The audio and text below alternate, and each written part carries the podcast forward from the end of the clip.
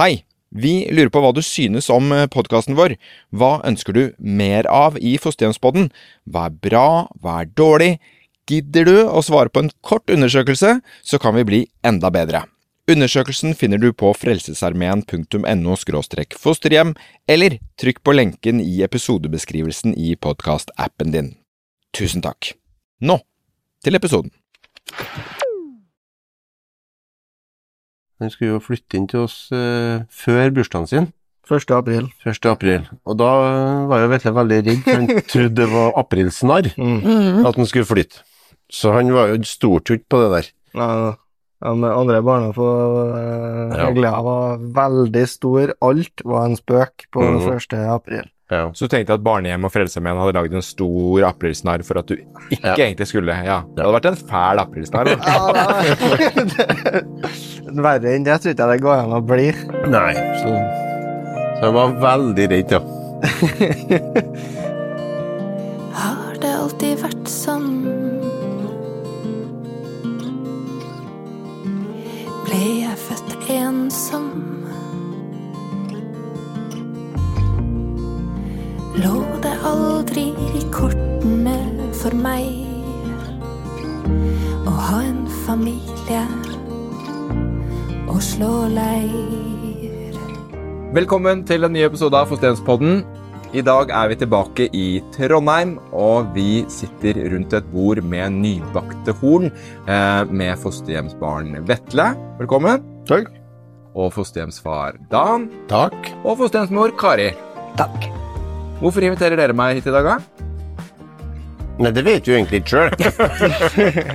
Nei da, vi har jo hørt uh, podden, og så har vi fått forespørsel fra uh, Frelsesarmeen om å få være med på en eh, sånn pod, og det sa vi ja til. For det er noe som vi brenner for sjøl.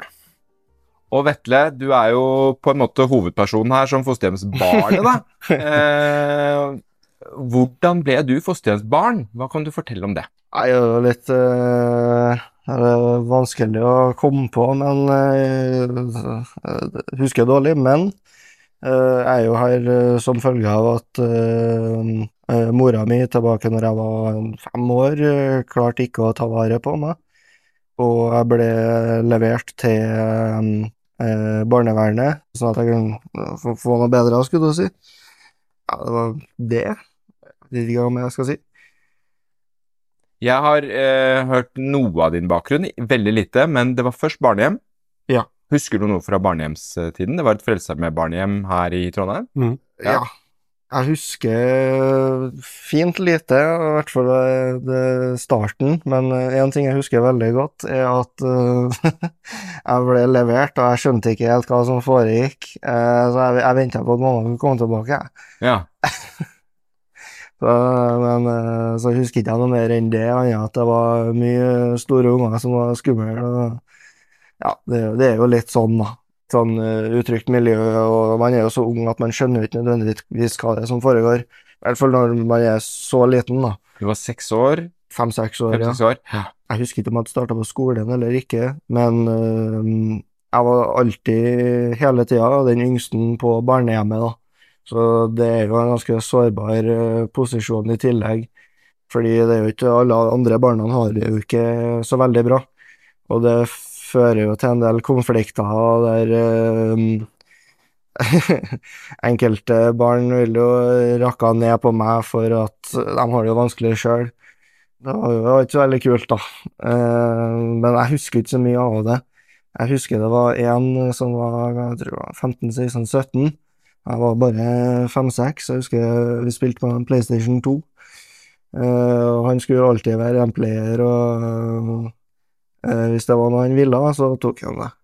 Jeg skjønner jo den posisjonen. og Jeg tror kanskje jeg har gjort akkurat det samme hvis jeg hadde vært like gammel og en, en liten femåring bare Nei.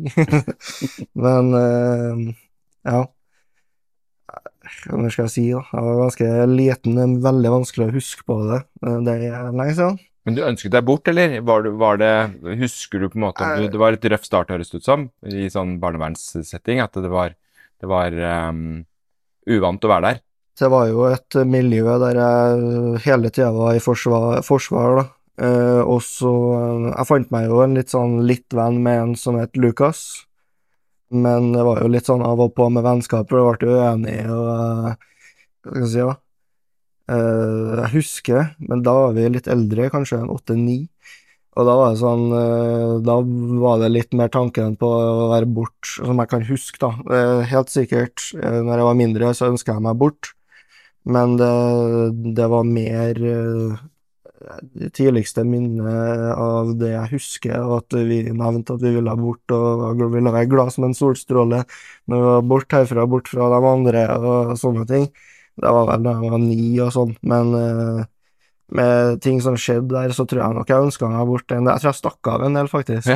uh, I bare sokkelestene. Og Jeg klarte faktisk å stikke av, men jeg hadde ikke noe plass å gå, da, så jeg kom tilbake igjen. Ja. Så, men jeg husker veldig godt eh, at eh, jeg og en eh, på eh, nei, barnehjemmet, vi skulle um, eh, stikke av, så vi plotta en plan, og så eh, for vi. Men uh, han forsvant bare bak meg, han ble tatt. så, uh, og så forsvant jeg opp uh, bakken, og så gikk det kanskje en halvtime, og så kom jeg tilbake. og det, det, det husker jeg i hvert fall. da. Egentlig ganske lent. Ble du forklart, eller spurte du noen gang om hvorfor du var der, eller hva som gjorde at, at du ble satt på, på barnehjem i utgangspunktet? Jeg tror det. Jeg kan ikke si for sikkert. Eh, For all del så ser ikke jeg noen grunn til at jeg ikke hadde kommet og spurt det, men uansett om jeg har fått en forklaring, så tror ikke jeg var liksom til stede nok til å forstå det. Jeg var ikke gammel nok til å forstå noe av det. Eh, Mye har jo blitt nedtrykt eh, i minner, altså jeg husker ikke så mye. Jeg, skjønte ikke omfanget av det, egentlig. Men det var jo en gang jeg kom hjem til mamma igjen, et år cirka. Etter et år på barnehjemmet? Nei, hva da, jeg åtte, jeg husker jeg feira åtteårsdagen Ja, riktig. eh, Ja. hjem eh, der eh, mora mi bodde. Eh, Men det er det eneste jeg husker. Jeg var der et år, og så kom jeg tilbake igjen, gjør jeg. Tror ikke jeg skjønte det helt da heller, egentlig. Og var jo litt eh, fjern, skulle jeg si òg. Fordi eh, jeg tok veldig mye ADHD-medisiner, og det har jo litt å si, det. Jeg tok det i var det 14 år. Noe var jo veldig tydelig galt for meg, fordi at jeg veide bare 7-8 kilo når jeg kom hit som tiåring. Til dette fosterhjemmet. Ja. Jeg gikk jo i klær til seksåringer. Jeg gikk, eh, spiste mye medisin til hvert måltid. Og Det, er blant andre ting forstyrra matlyst, og så ditt og datt. og så en del som tyder på at jeg hadde det ikke helt bra, da. Mm. Men eh, det er jo først og fremst pga. tidligere opplevelser og det miljøet på barnehjemmet der det blir en del konflikt av det er masse barnevernsbarn da, som på en måte er på en måte fanga sammen. Så er det litt sånn eh, ja, det blir litt sånn hierarki og sånne ting, da. Så at eh, blant annet jeg ville ha meg bort, det, det tror jeg, ja. Men jeg har ikke noen gode minner annet enn at jeg gjorde uh, bitte små eh, sånn eh, rømningsforsøk. jeg syns det er så langt, da. Så har jeg fått fortalt at eh, du er jo mye av årsaken til at Frelsesarmeen faktisk startet med fosterhjem i Trondheim. Eh, fordi man ønsket en annen måte å også eh, ha barnevern på i denne byen. Mm. Eh, så det kan jo Du er jo et pilotbarn, rett og slett. Var, bodde du fem år på barnehjem? Det var fire og et halvt, tror jeg. Fire og et halvt? Ja. Ja, litt usikker, men det er det cirka i det området. Husker du da den overgangen fra at nå skal du ikke lenger bo i, i barnehjem? Ja, jeg husker en del av det. Jeg husker jeg um, ble fortalt av um, eh, dem på Heglia da, at eh, jeg skulle eh, De hadde funnet en familie til meg, og de skulle se, hvem, altså, de skulle se hvordan det blir, da. Og så ble jeg jo tilsendt en video av eh, altså mamma og pappa her, eh, om hvordan det ser ut hjemme, og så introduserte de hverandre, og så introduserte de skjæledyret vi hadde på det tidspunktet, en eh, og Stemmer det. så, eh, ja, første gang jeg så han, da satt han en, eh, med søstera mi i en godstol. Ja, han eh, smil- var så mørk i pelsen, han smelta nesten inn i den godstolen. eh, Og så um, viste de meg litt sånn rundt, og så jeg visste hvordan det så ut. Og så i starten, de kom på besøk på Heglia og på barnehjemmet? Ja, jeg var veldig glad i å bake, eh, så det var jo dem, de ansvarlige på Hegle, de tok meg ofte til sides, og så baka vi og jeg laga muffins og sånne ting, for det muntra meg opp, da, og tenkte jeg på noe annet. Eh, og da fikk vi en god idé, Lag blåbærpai. Ja. Det er jo ganske godt, da. men, eh, så, men så er jeg jo litt sånn obsessed av eh, vørterøl. Det var ikke noe godt, men jeg skulle ha det. Så kom de og spiste blåbærpai og drakk eh, vørterøl. og så um, ble jeg kjent med dem da, så et par Jeg husker ikke hvor mange ganger, men et par ganger så kom jeg på besøk, ble mer kjent med dem og sånn. Det var bare et par timer eh, i løpet av eh, kvelden etter skole eller i helga eller noe sånt. Um, jeg satt jo mye på datamaskinen og distraherte meg med det, eh, så jeg, jeg husker ikke så veldig godt. Jeg husker jeg satt og spilte sånn eh, du husker mye, egentlig. ja, Jeg husker jeg satt på sånn 1, 2, 3-spill og alt mulig rart. Altså, jeg, jeg vet ikke hvor mye vi prata om. Det var jo en slags uh, coping-mekanisme, da. Jeg tenker jo på noe annet, vet du. Men uh, Jo, det. jeg, jeg husker ikke det så godt. Har du noe Ja, jeg, jeg kan supplere deg litt, jeg. Ja. Du hadde jo sett gjennom den, eh, den gangen, da, DVD som vi hadde laga. Mm. Eh, der vi hadde gått gjennom hus og litt sånne ting, og så hadde vi også sendt eh, en del bilder. Og på de bildene så var det jo med noen bilder fra en påskeferie som vi var på det året før. Og der la Vetle jo merke til at det sto en ølboks på bordet. Så det var jo det der vørterølen kom ifra. Stemmer det? Så han trodde vi var kjempe, eller jeg da, var kjempeglad i øl, og da var jo vørterøl var jo også øl. Så vi drakk jo vørterøl, for jeg syntes jo det var greit, da. Men eh, oppsettet med en Vetle hjem, det var egentlig tilnærminga var, var jo i forhold til den DVD-en. Vi prøvde å holde den konteksten i forhold til det. Og så var det liksom eh, å få presentert 'her skal du bo'. Og Det var en helt bevisst sånn tilvennings... Veldig bevisst fra oss, ja. eh, Hvordan du skulle få til eh, Få Vetle til å bli dus med at han faktisk skulle flytte hit, og at det var noe som var hans.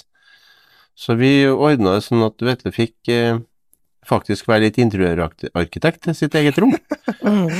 Så han fant farger, han, vi laga sjablonger som vi skulle ha på veggen. eh, Så vi laga faktisk et blått rom Mm. med sjablonger som vi laga skyer. som vi laga i underkant av eh, under på taket, og, og så ville han ha en sånn spesiell seng med, med sånn himling på, som jeg skulle bo inni. Og så måtte det være en underetasje for at han eh, kunne få overnatting. Så, Veldig viktig. Jeg var jo overnattingsgjest til Vetle ganske mange ganger. Jeg husker jeg Så jeg lå under, og etter hvert så fikk jeg jo besøk av en Vetle eh, ned i underetasjen. Han var jo ikke trygg ennå den gangen. Men eh, Vetle var veldig sky og forsiktig og redd, og ja, brukt, vi brukte lang tid for å bli eh, komme ordentlig innpå. Jo, vi. Hva, det, hva husker du fra første møte med Vetle? Det var da på barnehjemmet, sånn fysisk første gang? Første gangen jeg møtte en Vetle, så så jeg snurten av ham så vidt borti gangen, for da for han og lurkikka. Han hadde eh, lura seg bort fra de voksne, så han kom faktisk og lurkikka gjennom døra ute i gangen, husker jeg. Så bare hodet som stakk frem, og så få han bort igjen.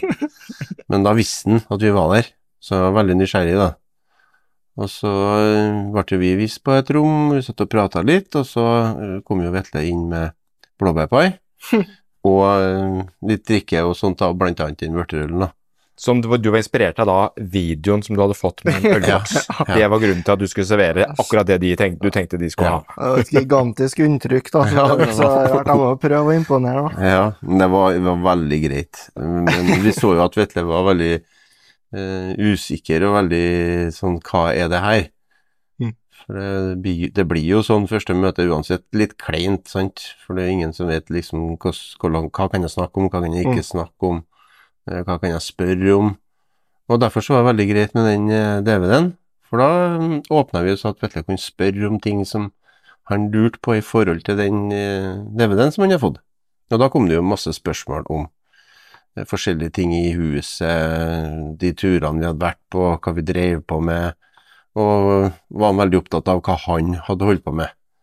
Eh, så Ja. e egentlig så Og da var jo Vetle så ja, Han var jo ni, han ble jo ti, jeg kan jeg si, eh, like etterpå.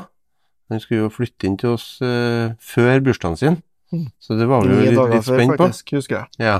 1. april. 1. April. Ikke... Og da var jo Vetle veldig redd, han trodde det var aprilsnarr Mm. at han skulle flytte. Så han var jo stort ikke på det der.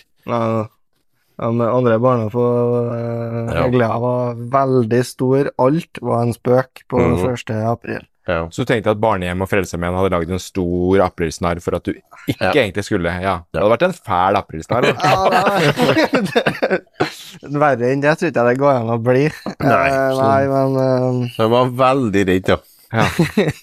Trodde hele tida at det her det var skummelt, ja. var bare en spøk, så Men eh, det første møtet for oss i den settinga, det var jo egentlig veldig spennende.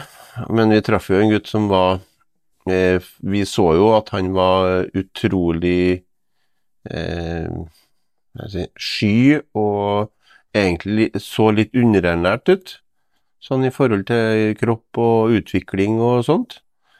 Og skjønte at her fikk vi jo ikke en gutt på ni-ti. Vi fikk jo en gutt på kanskje fem-seks. Mm. Så vi var jo veldig forsiktige i den innfallsvinkelen med Vetle. For at vi skjønte jo at det var mye som mangla. Det så vi jo på oppførsel. Ja, Og det diskuterte vi mye etterpå, jeg og Kari, da. jeg var ti år gammel, og jeg måtte så se opp mot uh, dørhåndtaket. Ja, Jeg du husker, husker jeg det? veldig godt. Jeg gjorde gjorde sånn. Jeg, altså, jeg måtte nå oppover for å ta tak i dørhåndtaket. Ja. Og så var jeg så liten at jeg kunne klatre inn i et uh, putetrekk til senga. Ja. Så liten var jeg. ja, det var Eh, Se hva jeg kan gjøre. Ja. jeg rett inn. Og, ja. ja, Jeg måtte jo holde deg igjen for at du skulle klatre inn i vaskemaskinen òg. ja. Jeg, klat, jeg klatremus. Jeg, ble Ja, det. jeg var liten, så klatra jeg opp eh, med neglene etter ei list opp mot taket. Eller eh, jeg klatra opp i dørkarmen og Mm. mm. klamra meg fast opp med taket. og jeg klatra. Men jeg var veldig opptatt av å bli sett, da, vet du. Se hva jeg kan gjøre. Ja. Og skulle liksom prestere eller vise at han var da. Han jo var noe. Hvordan brukte dere fosterhjemstjenesten og Frelsesarmeen i den prosessen her, da? Egentlig veldig aktivt. Um, vi var jo erfarne foreldre og, og den, på den sida der. Ehm, for vi var det jo Vi har jo da tre barn, og det var jo kun eh, liksom den yngste som bodde hjemme. De andre hadde jo flytta. Så det ble jo liksom den biten der som var viktigst for oss først. Å få liksom Vetle og, og vår datter da til å bli fungerende i det oppsettet. Samtidig som vi skulle eh, få Vetle til å føle seg trygg, og at han faktisk også var verdsatt. Så det ikke ble liksom dattera vår og så fosterhjemsbarnet. Mhm. Så vi bestemte oss for at uh, det du da kaller et fosterhjem, det ble aldri et fosterhjem. Nei. Det ordet bruker vi aldri. Nei. Ja, hvorfor ikke det, Kari? Det er et fælt ord. Vi er mammaen og pappaen til en Vetle, og dette er hjemmet til en Vetle. Det har vært viktig for dere? Helt bevisst? Veldig. Veldig. Vi bruker aldri Vi har aldri sagt det. Nei. For det skaper litt avstand, tenker dere? Rett og slett? Ja, ikke bare sånn skape avstand, men det blir Altså, i alle sammensetninger så blir da eh, Vetle, da, for oss, i den settinga der du skal være med på skolen, for det var jo Han gikk på skolen. Og vi, ja, og vi var jo nødt til å å da Det var jo på Flatåsen den gangen. Vi var jo nødt til å tilnærme oss det på en sånn måte at vi faktisk fikk integrert Vetle i vår tanke om at han skulle eh, komme til oss og, og begynne på eh, Og derfor så ble det jo utrolig viktig at eh, Vetle ikke flytta til fosterhjem, han flytta hjem. Mm. Mm. Og, for da blir ikke han i den settinga stigmatisert i den settinga på verken skole eller blant venner, for da kan han si 'jeg skal hjem', Mm. eh, istedenfor å si 'jeg skal hjem til fosterhjemmet'. For det, det, det er ikke sånn. Du, du skal jo hjem. Du må få din egen plass, du må få din egen sfære og tilhørighet, og føle at du faktisk er noe du skal være så lenge du velger å være der sjøl. Akkurat som et hvilken som helst annet barn som vokser opp, så må du også ha samme Trygg nøkkelen, ja, nøkkelen til å faktisk ha en nøkkel, som er din egen. Mhm. Og det bestemte oss for at det måtte vi gjøre fra, helt fra starten av. Hvis ikke så kom vi ikke til å lykkes, fant vi ut sjøl. Og det har vist seg å ha vært 100 riktig for vår del. Mhm. Kanskje for andre kan det være eh, andre måter å gjøre det på, men for oss så har det vært viktig hele veien. Husker du hva du sa, Vetle, selv om dette hjemmet til andre, på en måte? Hadde du forklaringsbehov, eller kalte du det et hjem, eller hvordan? Jeg husker jeg syntes det var kjempekleint å få uh, kyss og klem av pappa når jeg droppa han på skolen. Også, det gjør alle barn, da. Ja. Så- Og så skrøt jeg av pappa sine skiprestasjoner, og da ble jeg skolens løgner. det, det husker jeg veldig konkret. Ja. Da måtte jeg gå, når jeg fikk en telefon, og det første jeg gjorde, var å ta bilde av uh, trofeene til pappa, og så måtte jeg vise det frem på skolen. Mm. Og- Ble ord som pappa og mamma brukt ja, kjapt. Ja, jeg mener det. Helt Ja. snart. Ja. ja. Så det, så det hjemmet, som et helt normalt, vanlig hjem, ble etablert veldig tidlig. Jeg, jeg var jo klar som et egg til å ryke og reise fra Heglehala. Eh, Jeg husker ikke nøyaktig hva det var jeg sa. Hva heter? Ansvarspersonen på Hegleha. Mm -hmm. Jeg tror jeg sa sånn Jeg tror jeg sa noe sånt som det her har jeg venta på hele livet, eller noe sånt. Eh, Når jeg satt i biler for å flytte inn hit, da. Stemmer. Var noe sånt. Den, jeg har møtt den ansvarspersonen tidligere. De er jo pensjonert nå, Mm. Ja. Ja, da møtte jeg mange ganger. og det, hver gang vi møtes, så minner hun det på meg. Hun gjør det, ja? Ja. Og husker dere eh, eh, Du snakket om Dan, dette med at det, Og det har jeg hørt mange ganger fra andre også, at det å bli trygg i et nytt hjem er, tar lang tid. Mm. Um, hvor lang tid tok det, vil dere si? Og, og husker dere alle sammen på en måte et slags vendepunkt i den Nå er vi over en eller annen trygghetsterskel, eller hva man skal kalle det? Det tok jo egentlig så holdt vi på i et år, og så følte at vi eh, leita på feil sti hele veien. For hver gang vi kom liksom langt nok ned til at vi liksom kunne føle at uh, dette ble eh, som en sønn, eller som en veldig sånn tillitsfull situasjon, så stoppa det. For um, Vetle hadde jo ikke kunnskap om f.eks. leik, han hadde ikke kunnskap om uh, humor og latter. Alt var liksom ironisk uh, nok over en sånn rå spøk. Altså, uh, kall det at du faktisk spøker om ting som er så vondt at du ikke vil forholde deg til det, og da tar du avstand. Mm. Så hele tida så hadde vi den delen som lå i bakgrunnen, eh, så du fikk klem, men du fikk klem av bakhodet, eller Uh, Ja, du kjenner når du får en ekte klem, eller ikke. Så det ble jo en veldig sånn tilnærming. Vi hadde trampoline, vi øvde oss på vondta og godta, som vi kalte det, da, Vetle. Det husker jeg godt. Ja. Hva var det? Eh, Da drev vi og hoppa på trampolina, og så Vetle ville jo lære seg å, å flire, og så ville han lære seg å skrike. Så han ville Mm. gjerne at vi holdt på å leke litt sånn røft, for da var det artig, og så samtidig så ville han utfordre følelsen av å ha vondt. Mm. Så vi, vi innførte poking. Uff. Ja. Så han poka meg, altså både sparka og slo. Så han fikk ut masse aggresjon med at han faktisk fikk lov å både sparke og slå. Og så fikk jeg lov å poke han. Og da poka han jo selvfølgelig ikke veldig hardt, men så hardt som en Bare for å oversette det til, holdt jeg på å si Nei, Poking er, er sånn. mm, Det er å, å, å Det prikker på hverandre, da. Ja. Nei, Og da- Det er ikke noe ondt, men det er litt sånn uh. Ja.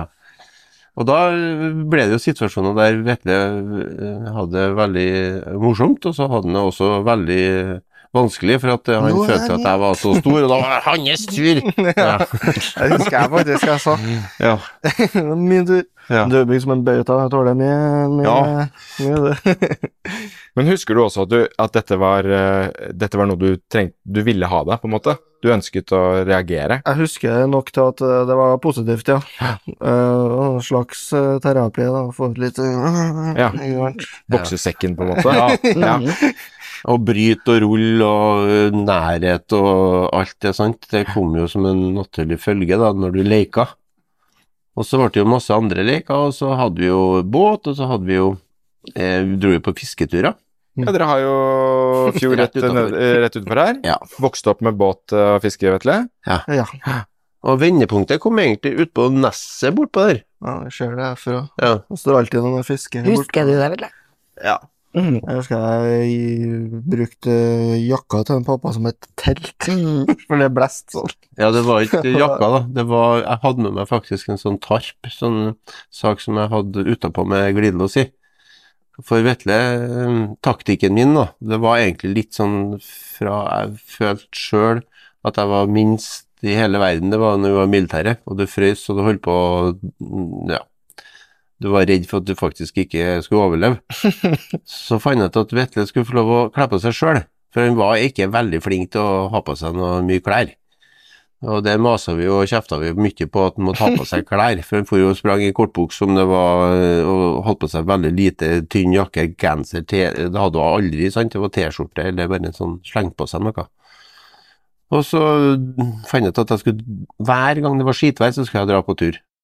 For da fant jeg ut at hvis Vetle hadde lite klær, da, så kanskje han kom til å søke imot meg. Og da var det en dag det var sent på høsten, og det var skikkelig dårlig vær. Det snødde litt da, imellom. og så sa jeg vi tar oss en tur bort på Nesset og fisker. Nei, han var ikke noe særlig lysten på det egentlig, men han ble jo med. da. Og så for å gjøre en lang historie litt kortere, da, så hadde vi jo fiska litt, og Vetle hadde jo gått lei. For han frøs jo så han hakka tenner og begynte å bli ordentlig blå på leppa. Og så sa jeg nei, jeg må ha en pause. Så jeg satte meg, og så fyra jeg opp en sånn eh, en liten eh, varmer da som jeg hadde, og så laga jeg til. Eh, På forhånd så hadde jeg med en termos med litt pølse i og sånt, og så laga jeg litt av suppe. Og så satt jo jeg med den der, og han så jo, satt jo nedi sånn lita fjellsprekk bortpå der da, og gjemte seg for snø, snødrevet, da. Og etter en liten stund, da, sånn eh, halvtimes tid, så kom han faktisk kravlende. Og da kom han inn i eh, tarpen, og så ble han liggende inni der i ja, i hvert fall en time.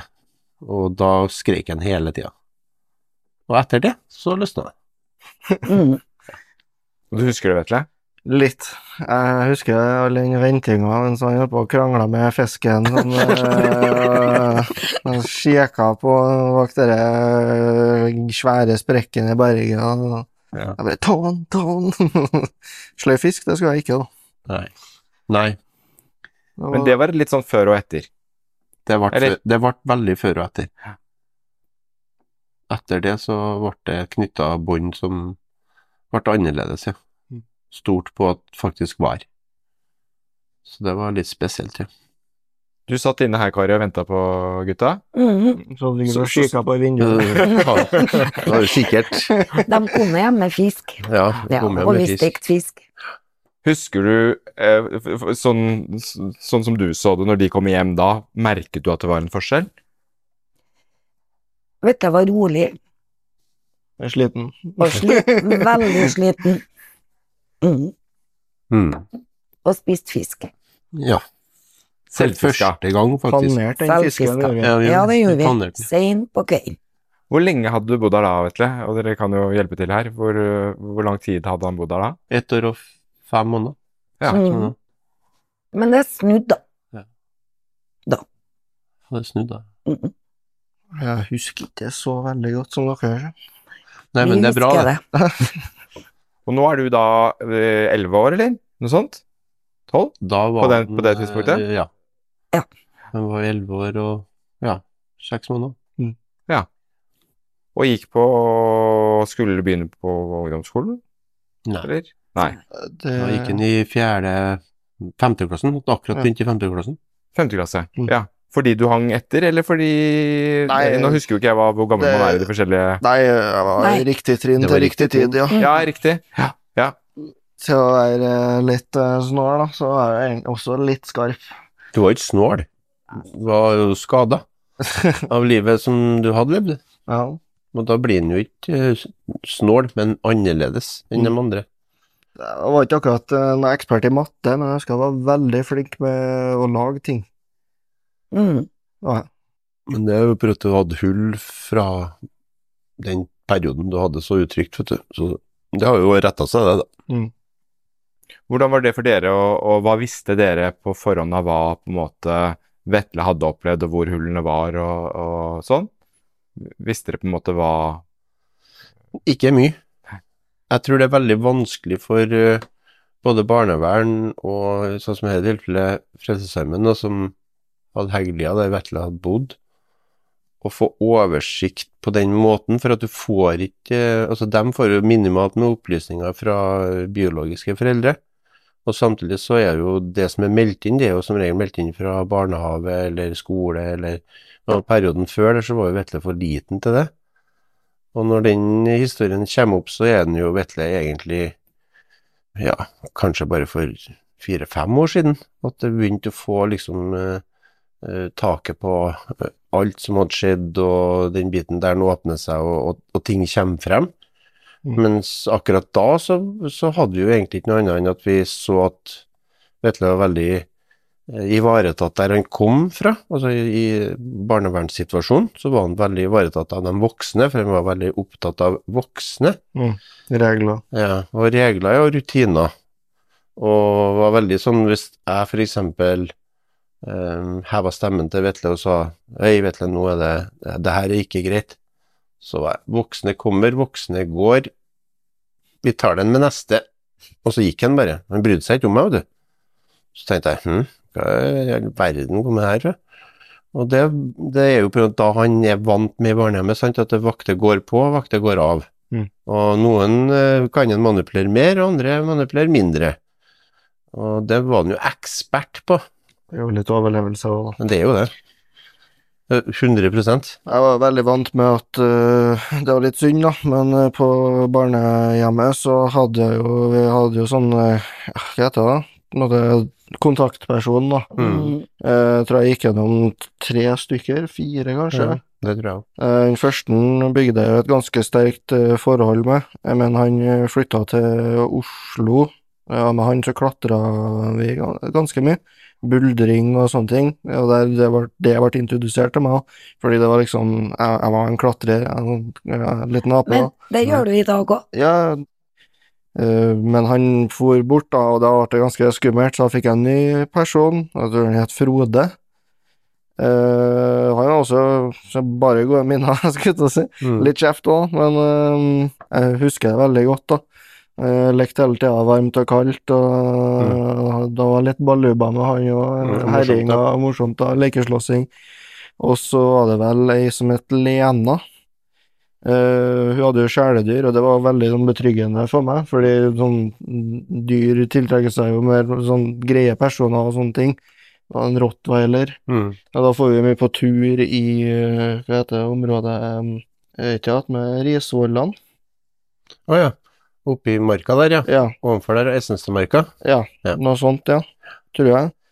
Og så øh, endte jeg opp med Lisbeth. Altså, det er litt sånn derfor sånn De de kommer jo og går, da. Jeg skjønner jo det, vet du. Lisbeth bygde mye Lego med meg, ass. Ja. Jeg husker vi spara penger og Ja, vi kjøpte et Lego-sett, så bygde vi det samme. ja. Lisbeth var jo veldig, veldig nær deg, da. Men var det rundt det samme vendepunktet som dere snakket om i stad, eh, at du også, vet dere, da skjønte at disse går ikke, eller? Når er det du, når er det du tenker at eh, Ok, dette er ikke bare de vaktene eller eh, nok, nok noen omsorgspersoner som bare Jeg vet ikke hvor lenge de blir.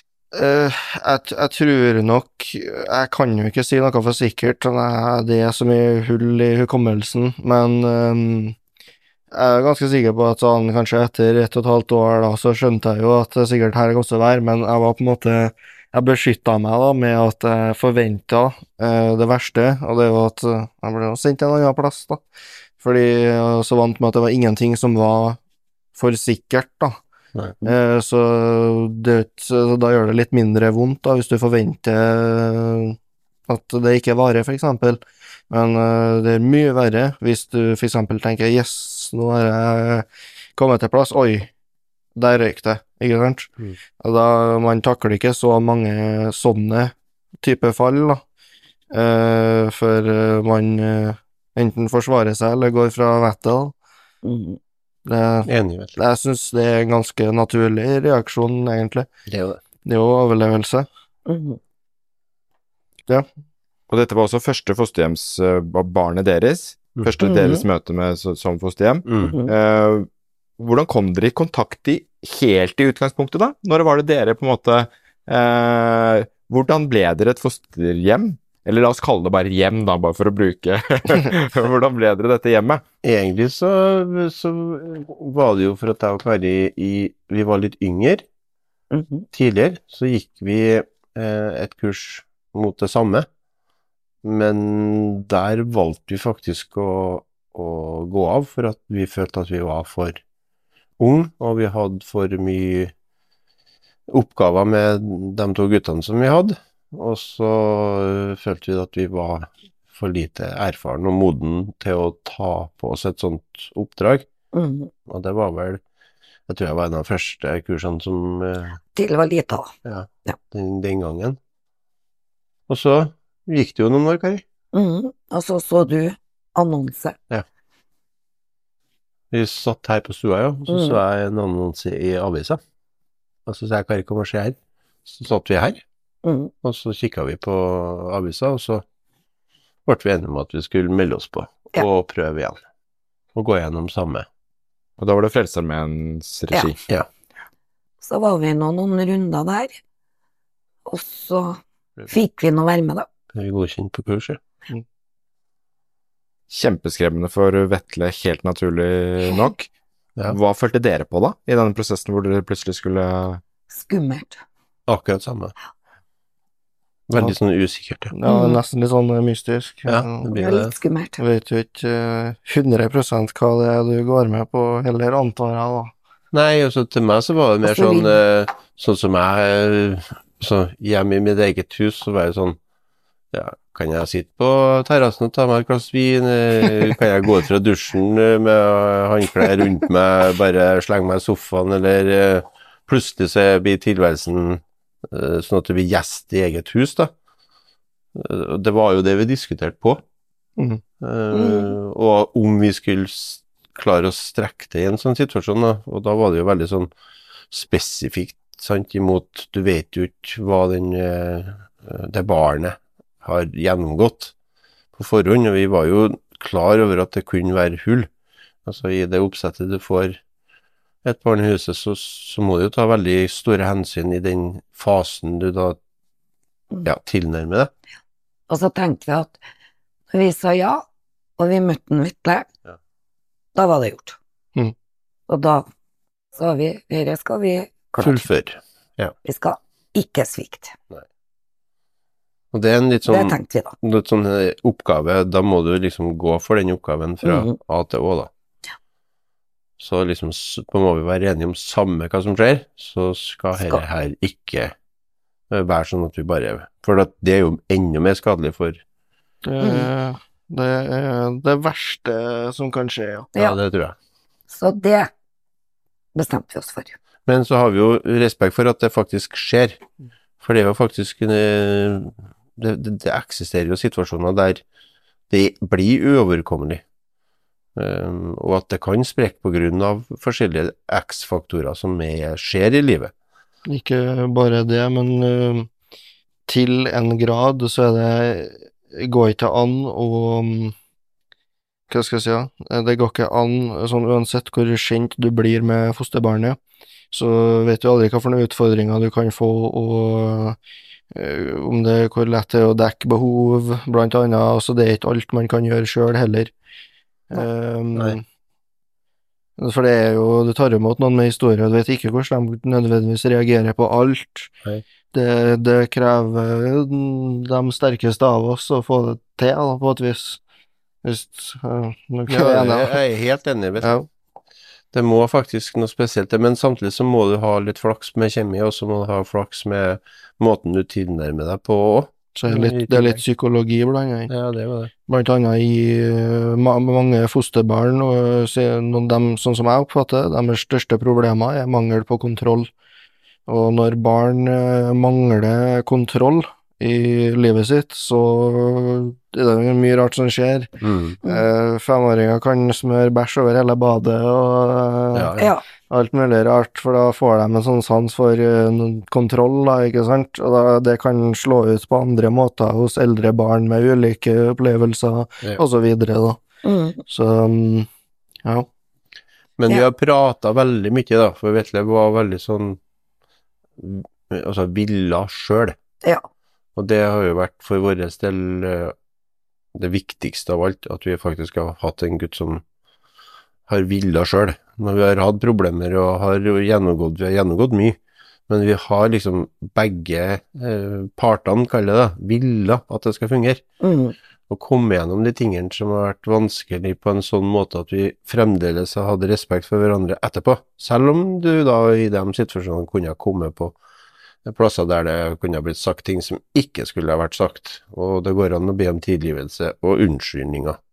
Forresten ikke unnskyldninger. Det, vi, vi har innført et navn sorry, da, istedenfor unnskyld. For unnskyld går ikke an å si. Hvorfor ikke? Nei, for det, det er nedverdigende. Og det husker jeg. Ja. Ja. Jeg vil aldri si unnskyld, for det som regel mente jeg ting. Ja, Hva er det som er nedverdigende med unnskyld, da? Nei, Jo, eh, tanken til Vetle er ren, så hvorfor skal han be om unnskyldning for noe han mener? Mm. Og da uansett det blir vondt uærlig, da, vet du. Ja, det blir uærlig. Så uansett hvor vondt uh, jeg eller Kari eller noen andre har det da i en situasjon, så det å be om unnskyldning for noe du faktisk mener, det går ikke. Men du kan si sorry, for det er en sånn halvsannhet. Ja. Eller beklager for at du følte det. Riktig, Ja. riktig, riktig. Helt riktig.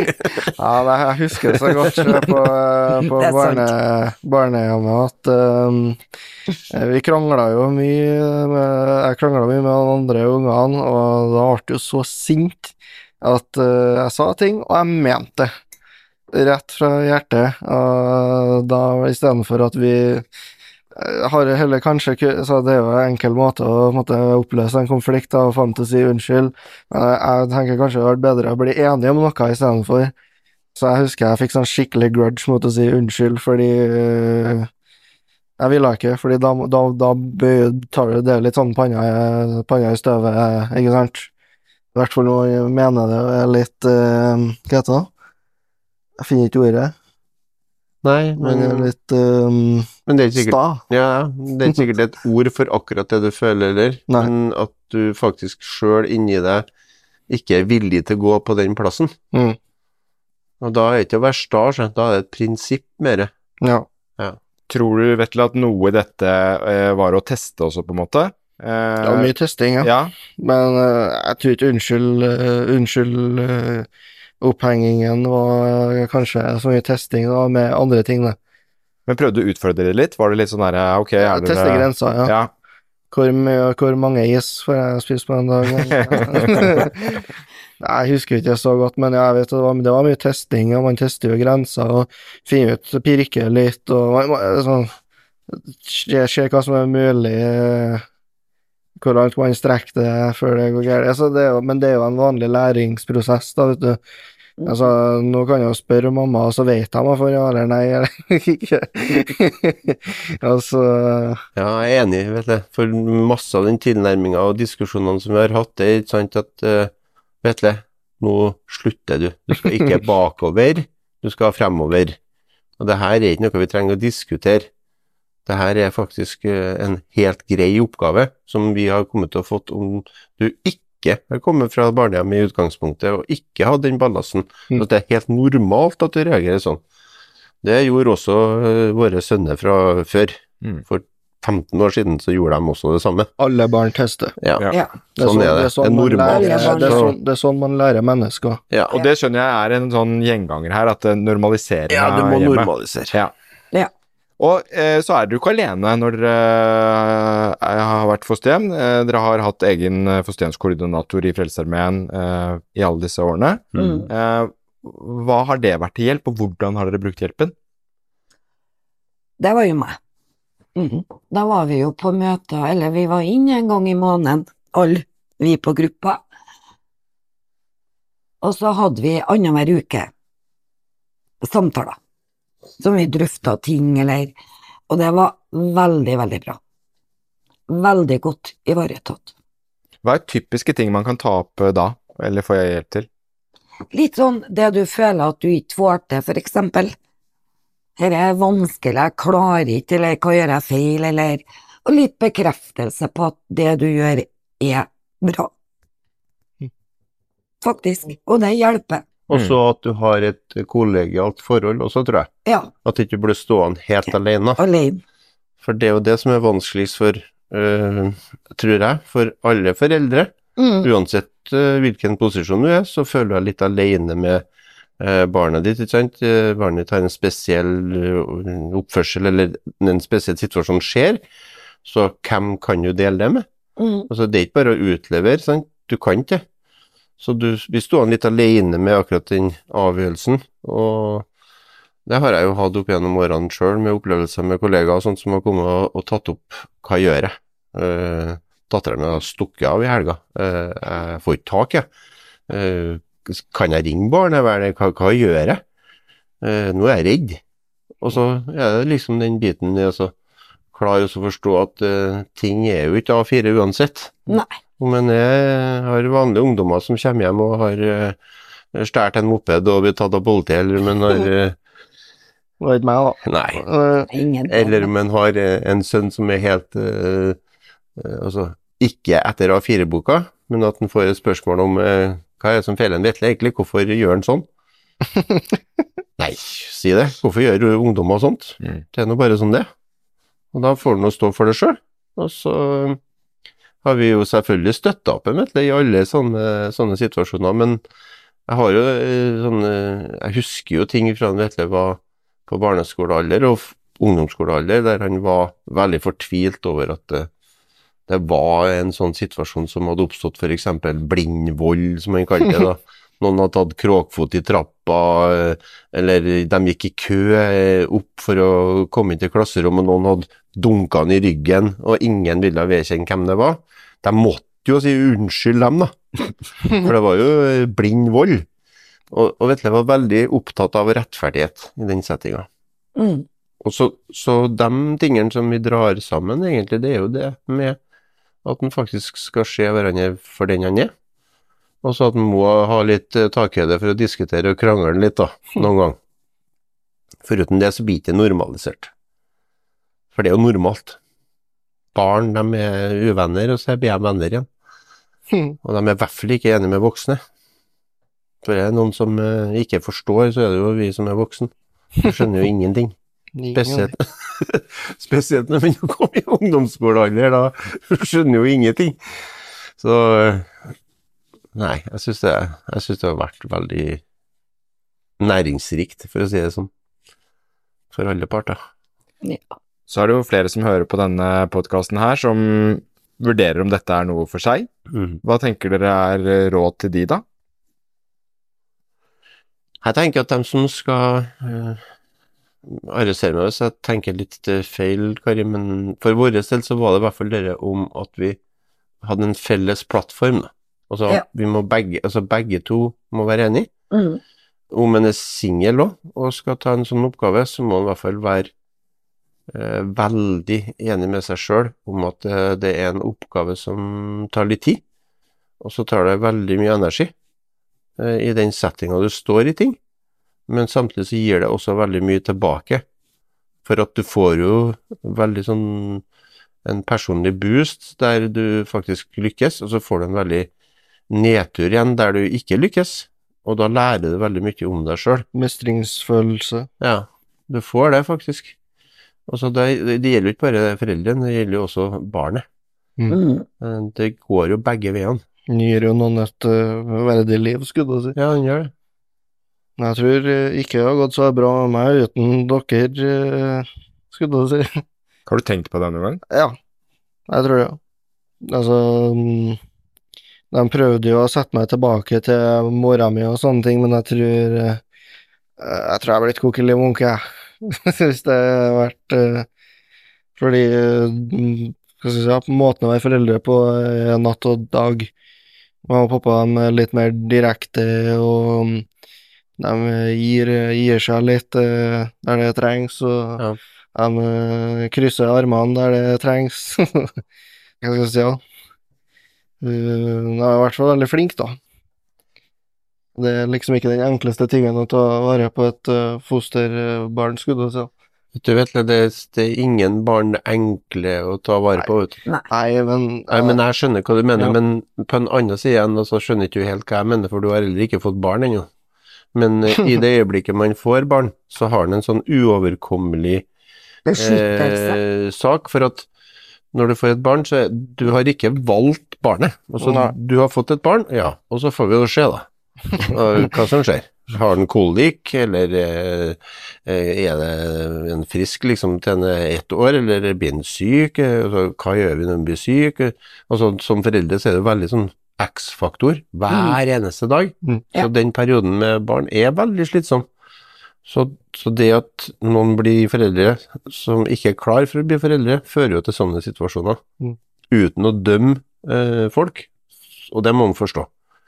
Og det er jo det viktigste for oss, egentlig. At man må forstå at det er grunner til ting. Og så det er en grunn til, og den kan forandre seg. Så liksom, på sikt så kan jo alt endre seg. Så man, man må være veldig obse på den biten òg, sant. Man må ikke, ikke sette biologiske foreldre i bås, for da mister en også respekten for barn er veldig forsvar. Uansett hva som har skjedd, så er barn i forsvar, og vil egentlig gjerne tilbake til mamma og pappa, Mm. altså biologiske mamma og pappa. Det tror jeg kanskje er det viktigste og det klokeste man kan tenke, da. At man må opprettholde den respekten for hverandre uansett hva som har skjedd, og uansett historie, så for historie endres konstant. Uansett i hvilken verdensdel vi kikker på, så endrer det seg hele tida. Og her er vi bare i en sånn liten, snever posisjon der vi har vår sfære, og er nødt til å faktisk tenke at i fremtiden så skal det være sånn at en kan ha omgang. Man skal kunne faktisk dra i en begravelse, eller man skal kunne feire i en bursdag, eller man skal faktisk kunne være på en sånn plass at man kan si hei. Men valgene videre, det må jo være opp til eh, barnet sjøl. Og så hvilken stor, eller hvilken del av livet man vil dele eller ikke, og hvor stor avstand man vil ha, det blir jo da opp til barnet. Så det er jo det egentlig som var plattformen til meg og Kari i forhold til eh, hva som var grunnlaget for alt. Og så det nye fosterforeldre i verden vil oppleve, vil jo være mye av det samme. Mens plattformen vi står på, den er jo den som gjør at du faktisk kan lykkes. For det er jo ikke noe garanti uansett. Det spiller jo ingen rolle om det er ditt eget barn, eller om det er noen andre sitt barn. Du kan faktisk oppstå så store problemer at uh, du ikke klarer det som vanlig foreldre, og da havner du i en sånn situasjon som det her. Så for meg så er det veldig sånn likt, og man må tenke gjennom det veldig godt. Det er mange forskjellige på en måte fosterbarn i gåseøynene. Ja, og vanlige Eh, man har eh, for vanlige foreldre der det har skjedd noe veldig uheldig Mhm. og synd, som har ført til at noen må bli si, omplassert. Yeah.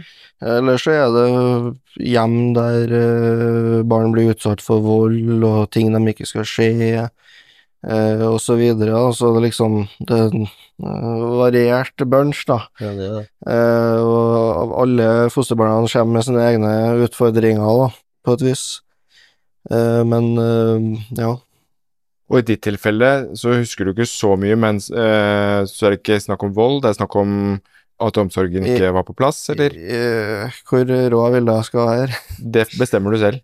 Uh, ja, for det er jeg ikke Egentlig så har jeg ingen Jeg, jeg, jeg, ikke, jeg har ikke noe hensikt med å please noen, så men uh, til meg tror jeg det var en fin blanding av absolutt alt. Uh, det var rusmidler inne i bildet. Flere situasjoner Jeg snakker ikke så mye om det, men eh, flere situasjoner Jeg husker jeg ble virkelig satt på plass eh, fysisk. Eh, ble uh, snakka stygt til uh, ut av frustrasjon, det er jo ikke riktig det heller. Eh, ble fysisk håndtert, jeg vet jo skit og ingenting også. Og så var det mye sånn Jeg på, jeg måtte, endte opp med å gå på skolen uten sko, fordi uh, jeg pusha tålmodigheten for langt med noe. Og så, ja, masse sånt, altså det var mye av alt, altså det er ingen omsorg.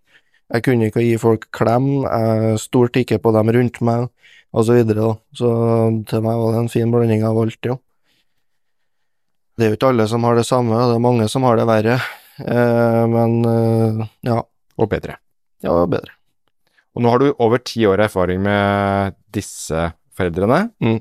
Eh, hva er evalueringen din, da? Hvis du, skal, du er jo på en måte Egentlig så er jo du utenfor fosterhjemssystemet nå. Du, du har jo på en måte vokst deg forbi Ja. eh, myndighetsalder, og jeg vet ikke om det er 20 år, eller hva som er den derre siste eh, grensa for oppfølging og sånn. Det vet ikke jeg heller, men eh, Eh, Hvis jeg husker rett, så er det sånn eh, etter du er 16, så 16 eller 18, så er det ikke noe mer krav eh, fra, som jeg tror du kan velge sjøl fra du er 18. Ja, ja, du, Ja. Velger, du velger sjøl, ja.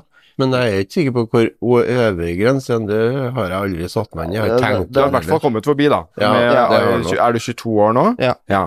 Hva vil du, hvordan vil du evaluere foreldrene dine? Hva er det de har gjort riktig? Hva er det andre kan ta med seg? Nei, Og eventuelt altså, feil. Hva skal jeg starte med? Eh, nei, de er jo strenge der det trengs, av og til. Det er ikke alltid helt enig i til den dag i dag. Og så eh, ja, gir de seg der det trengs, som regel.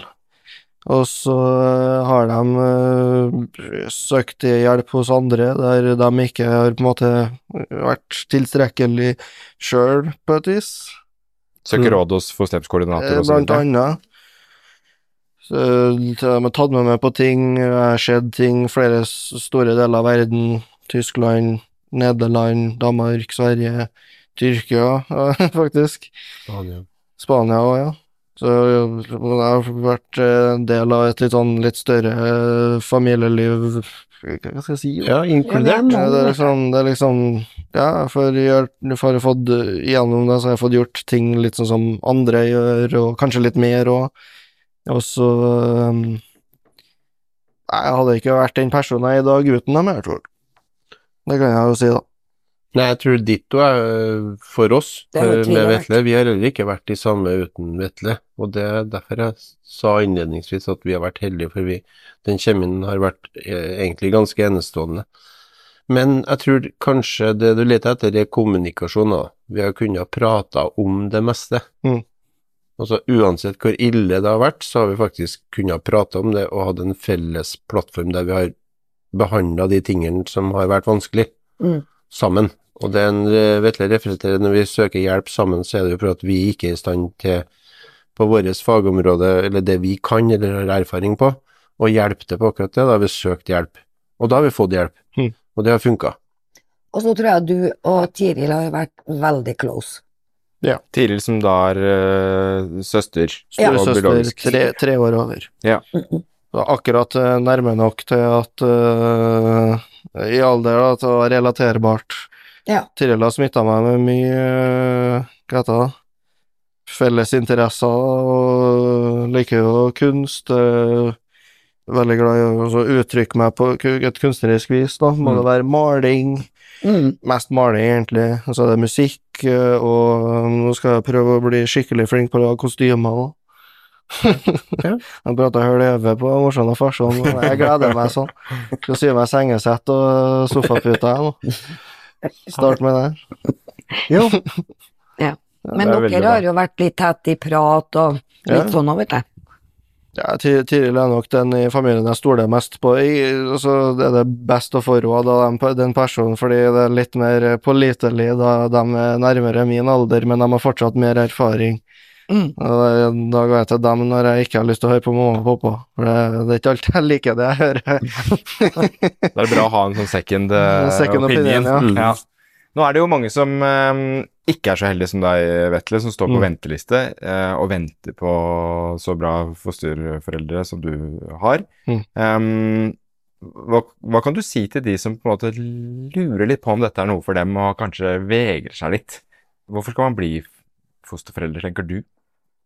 å være Det er jo litt opp til hver enkelt, øh, men øh det å ha et fosterbarn, og det er jo en Det er jo en ganske stor oppgave, jeg mener jeg. Det er jo ikke sikkert mamma og pappa er like enige, men jeg, jeg mener jo lett at det kan være litt vanskeligere enn å bare ha en Bare ha en, en sønn sjøl, eller datter sjøl. Jeg mener det fordi det er litt mer Det er en historie eh, til hvert fosterbarn, og det kan være vanskelig å bearbeide. Det kan, man kan føle at man spøler seg litt fast, da. Men hvis man har ressursene øh, og, til å få det til, da, så kan det gi veldig mye mestringsfølelse, og du redder et liv. Eh, Det er liksom det, det, det, i, I min verden så er det det det står på. Du, du redder et liv. Fordi et barn som går ut av eh, barnehjemmet 18 år eh, uten å ha hatt noe foreldreveiledning eller ha en familie å lene seg på og spørre om hjelp og få veiledning fra, det går sjeldnere bra med dem. Eh, de ender opp på en leilighet, og så drukner de i sitt eget søppel, eh, og de pleier problemene sine, og så det, det går, trenger ikke nødvendigvis å gå like bra med dem, men de som får en familie, de får på en måte en sånn grunnmur da, de kan bygge huset sitt på. da. Altså, familien er veldig viktig. Eh, Det er en stor del med støtte man får. Man lærer ting og ja, blir kanskje frisk da, av å ha en hva skal jeg si, en slags uh, protese, da. Det, det, mamma og pappa er jo ikke like enige med eh, meg med den slags definisjonen, fordi det kan virke som det tar litt avstand, men jeg ser på en måte på en familie er nesten som et slags organ, da, hvis du kan sette det i gåseøyne. Og når man er havner på barnehjem, så mister man Det er på en måte det som å miste en fot.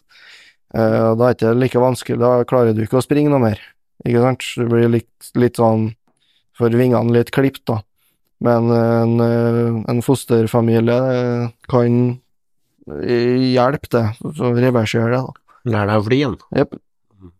Hvordan er det å høre at han er ganske klar på at dere har vært med å redde livet hans?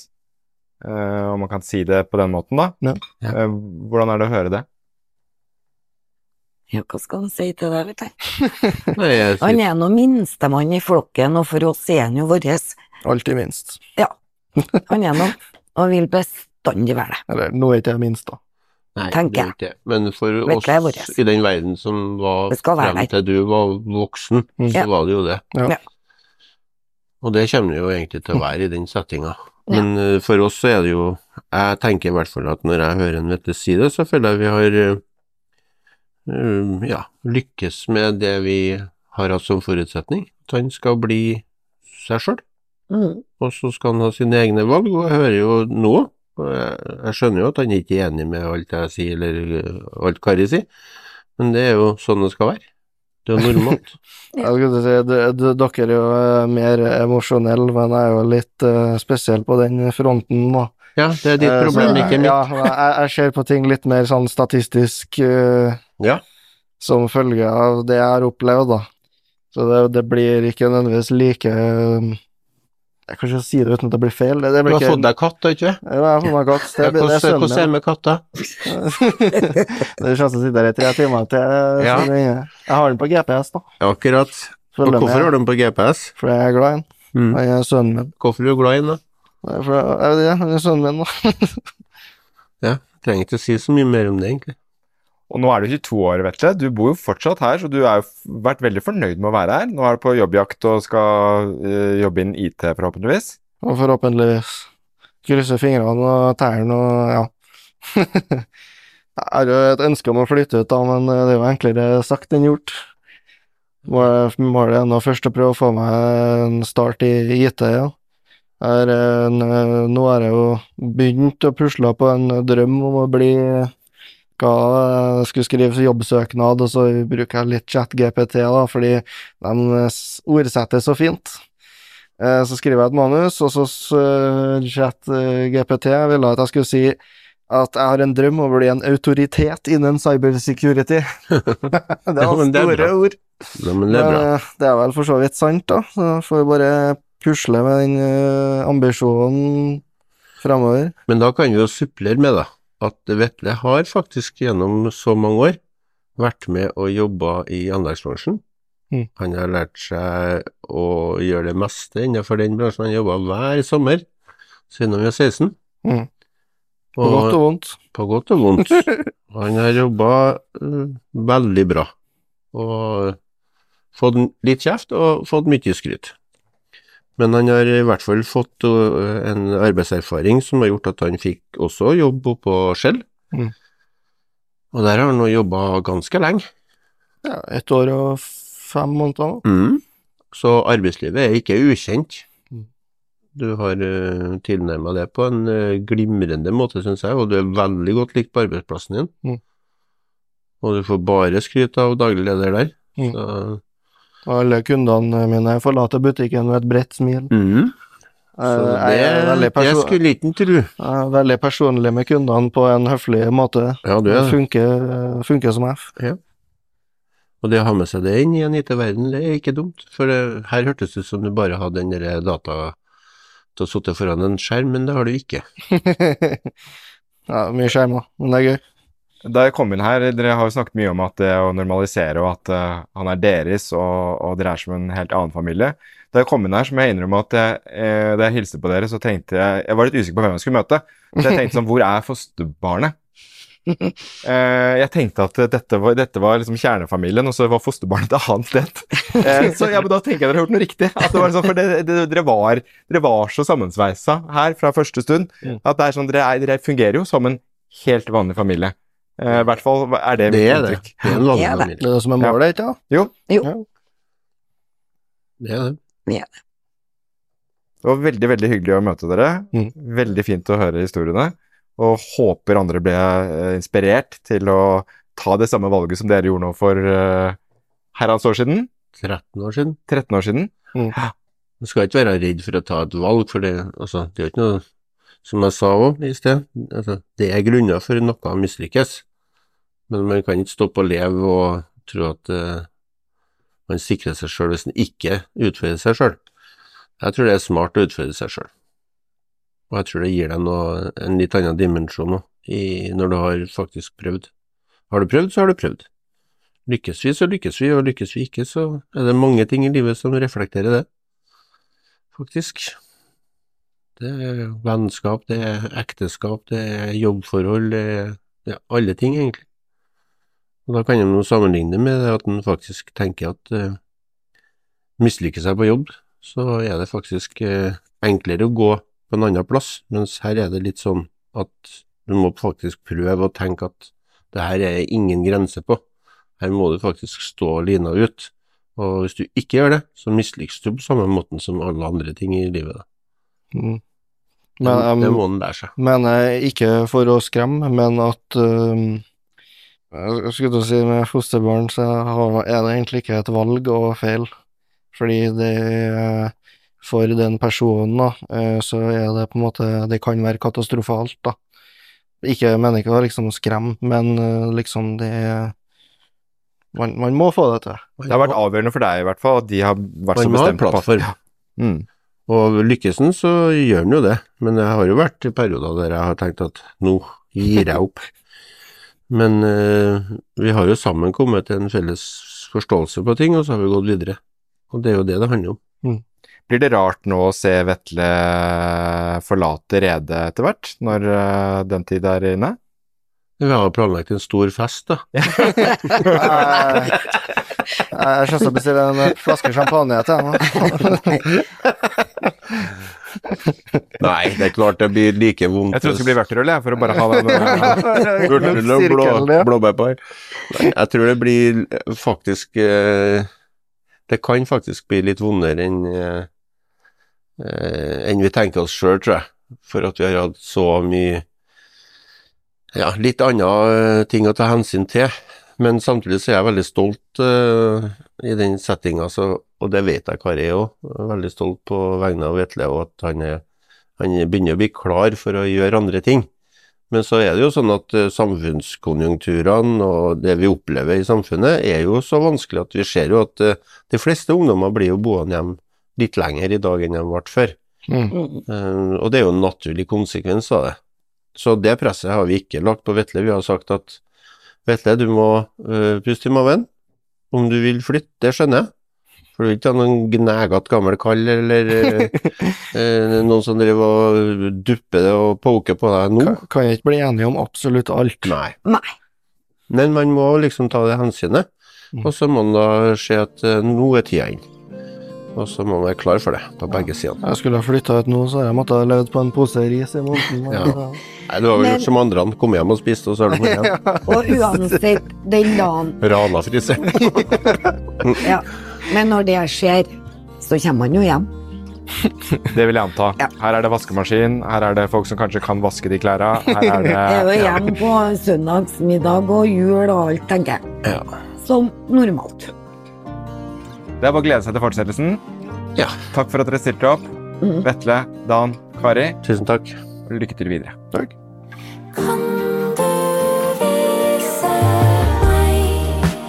Tusen takk for at du hørte på Fosterhjemspodden. Vil du vite mer om det å være fosterforelder, så har vi samlet uh, alle de typiske spørsmålene som folk lurer på, på vår nettside, og svart så godt uh, vi kan. Den lenken den finner du i podkastappen din. Og der kan du også abonnere på eh, Fosterhjemspodden, sånn at eh, de nye episodene kommer automatisk inn på telefonen din.